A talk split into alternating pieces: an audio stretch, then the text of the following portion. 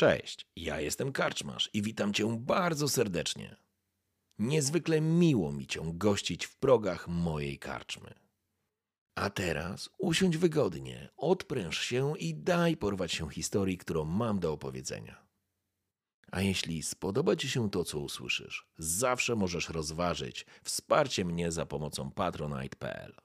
Link znajdziesz w opisie. Życzę miłego słuchania. Oby nam się!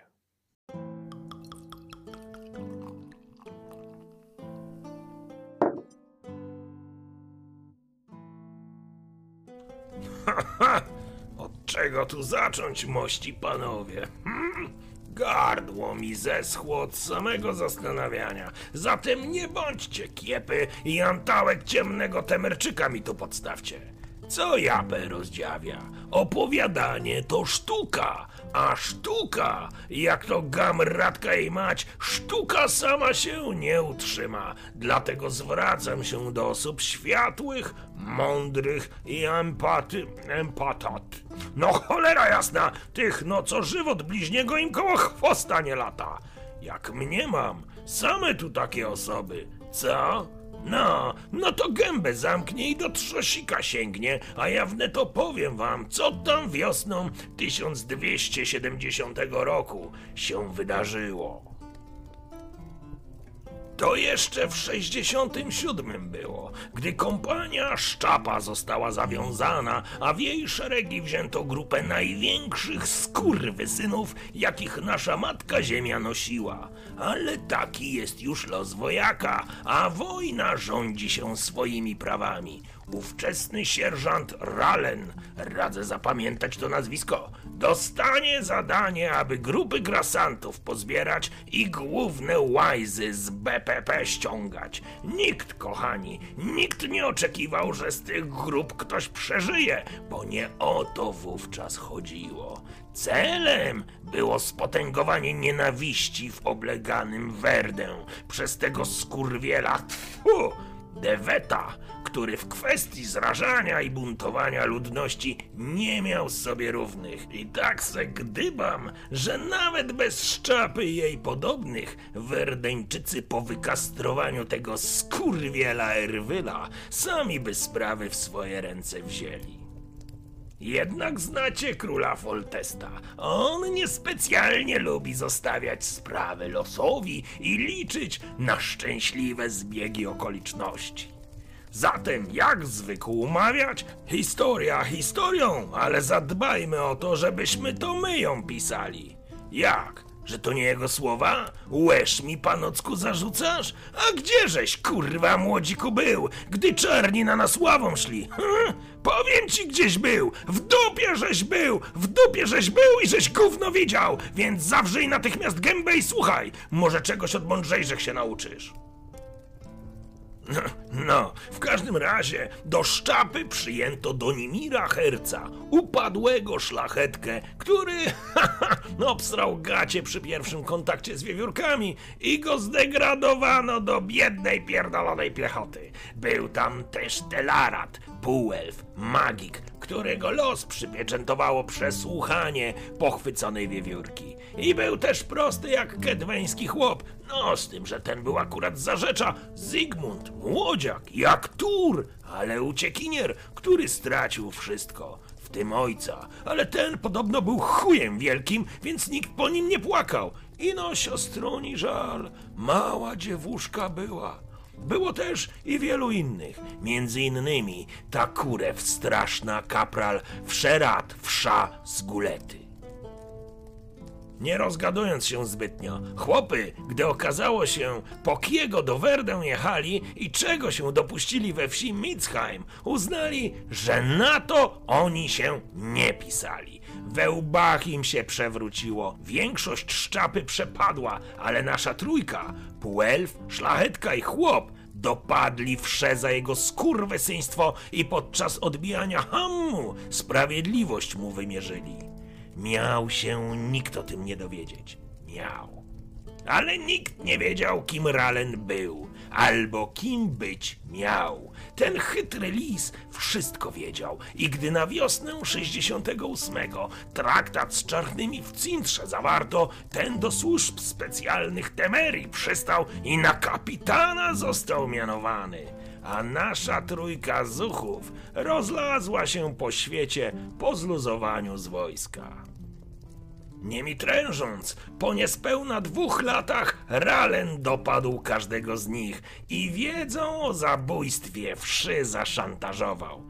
Nie dając im wyboru, do wywiadu ich wszystkich wcielił. Nie mieli wyjścia nieboraki, albo tak im się tylko wydawało. Dodam, że tak samo wydupcył dwóch krasnoludów, Grunaldiego i Tolrę. Tyle tylko, że temu pierwszemu warsztat z dymem puścił, ale jak to bywa, nikt nic nie widział, nikt kurwa niczego nie wie.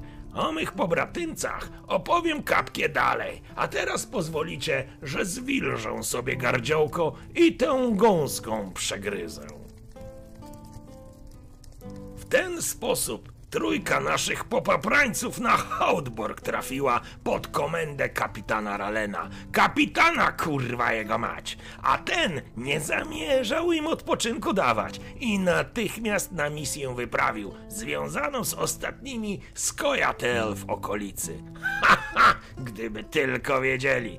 Donimir, Telarat oraz Zygmunt dotarli na miejsce, a tam obława, bo pono dwójka uciekła do starych ruin. Elfich starych ruin, gamratka ich mać. A, no i warto dodać, że tam poznali Horsta, sierżanta aparycji świńskiego ryja, a ten był na nieludzi cięty, zwłaszcza na elfy. I tak oto pany tam zeszli, ale jeno jeden na własnych kulasach wrócił. Znaleźli, a jakże, ale kurwa golema, elfią wiedźmę Milenę i mego dobrego znajomka, kuter nogę Daltera. Dodam jeno, że Telarat facjatę sobie spalił, Sigmund ducha wyzionął, a Donimir pierwszy raz fresk zobaczył, który jak się później okazało, Nicią przeznaczenia z jego duszą został spleciony. Uratował Milenę, przyszłą miłośnicę, ale sam pozwolił sobie na łeb czemuś wleść, co z fresku wylazło. Wówczas jeszcze nie wiedział, ale jak mówi jeden z waszych człeczych opowiadaczy, nie uprzedzajmy faktów.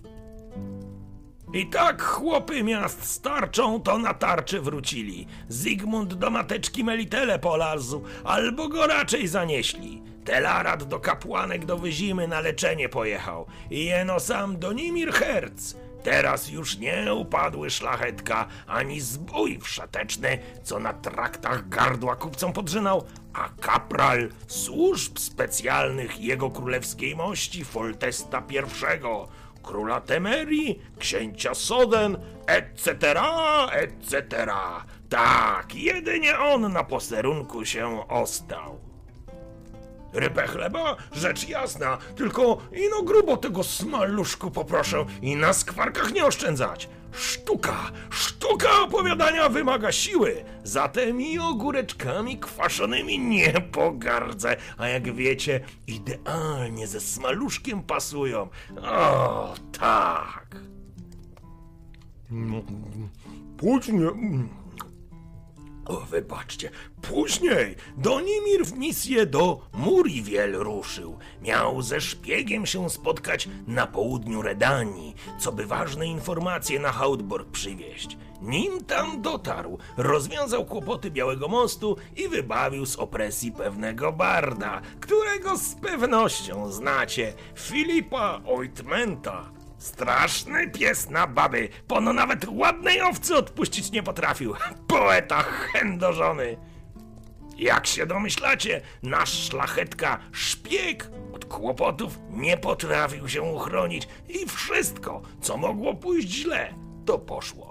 W Muriwiel wpadli w łapy kontrwywiadu Redani i choć nie było już tego gnoja Dijkstry, to widać, czerwoni znali się na fachu. Gdyby nie dziwne zwidy, które po wizycie w świątyni paniczyk dostawał, to już by w Drakenborgu wytrawnego Dijkstry próbował. Bo warto dodać, że po wydarzeniach w ruinach młody Redańczyk, tak tak, Donimir to redańska krew, na łeb dostał straszliwie i coś zaczęło toczyć jego ciało. Moc fresku pozwalała mu w przyszłość zaglądać, choć on tego kontrolować nie potrafił. Niemniej jednak cena za to była bardzo wysoka. Sam zaczął we fresk się zmieniać. Tak, tak, było jak było, ale trzeba dodać, że Dubsku uratowała mu ta moc, ostrzegając przed wpadką. Uciekł i to z listem, po który przyjechał. Dodam jeno, że jak gówno ze ścieku wyleciał wprost na bagniska i wrzosowiska pod Muriwiel. A to za sprawą mych ziomków z karczmy Młot. Ale o tym kiedy indziej wam opowiem, bo do Muriwiel jeszcze wrócimy. Znudzeni? Nie? To może przerwa jakaś? Jak to nie? Jak słuchać chcecie dalej, to teraz jasne redańskie lejcie. I no gipko, i bez wstrzemięźliwości. Tą, jak zwykła mawiać moja babka, dla swych życi zatrzymajcie, co by powietrza nie psuć w towarzystwie. Dupa to nie zabawka. Też zwykła tak mawiać, ale to już w zupełnie innym znaczeniu. Wracając, Donimir musiał uciekać, nie wiedząc, co się z przyjaciółmi stało w Muriwiel i czy na szubienicy nie zawisną, bo Horst i Oitment wpadli w ręce Redańczyków. Człeczyna nie wiedział, że w ślad za nim ruszyła również Milena, bo jak się okazało, ten wybuch w ruinach, co gębę Telarada spalił jakimś cudem, również odebrał wiedźmie moc. I tylko w pobliżu Donimira ona mogła z niej skorzystać. Nie trudno się zatem dziwić, że dla niej życie i śmierć szlachetki miało zupełnie inne znaczenie. O tym jednak później, bo do Muriwiel, jak rzekłem wcześniej, jeszcze wrócimy. Redańczyk na bagniska trafił, prosto w ręce rzepichy, samozwańczej królowej bagien. No wiecie kurwa, baby wodnej... Ona chciała go za męża, bo trzeba wiedzieć, że Donimir gładkolicy był i baby za nim oczami wodziły. A jak wieść niesie, nie tylko baby. Tam ważna rzecz, znalazł miecz elfów, który będzie ważny później, ale babie uciekł ratując smarka Kacpra. No, takiego dzieciara, co go rzepicha na ucztę weselną szykowała. Uciekł sprzed ołtarza.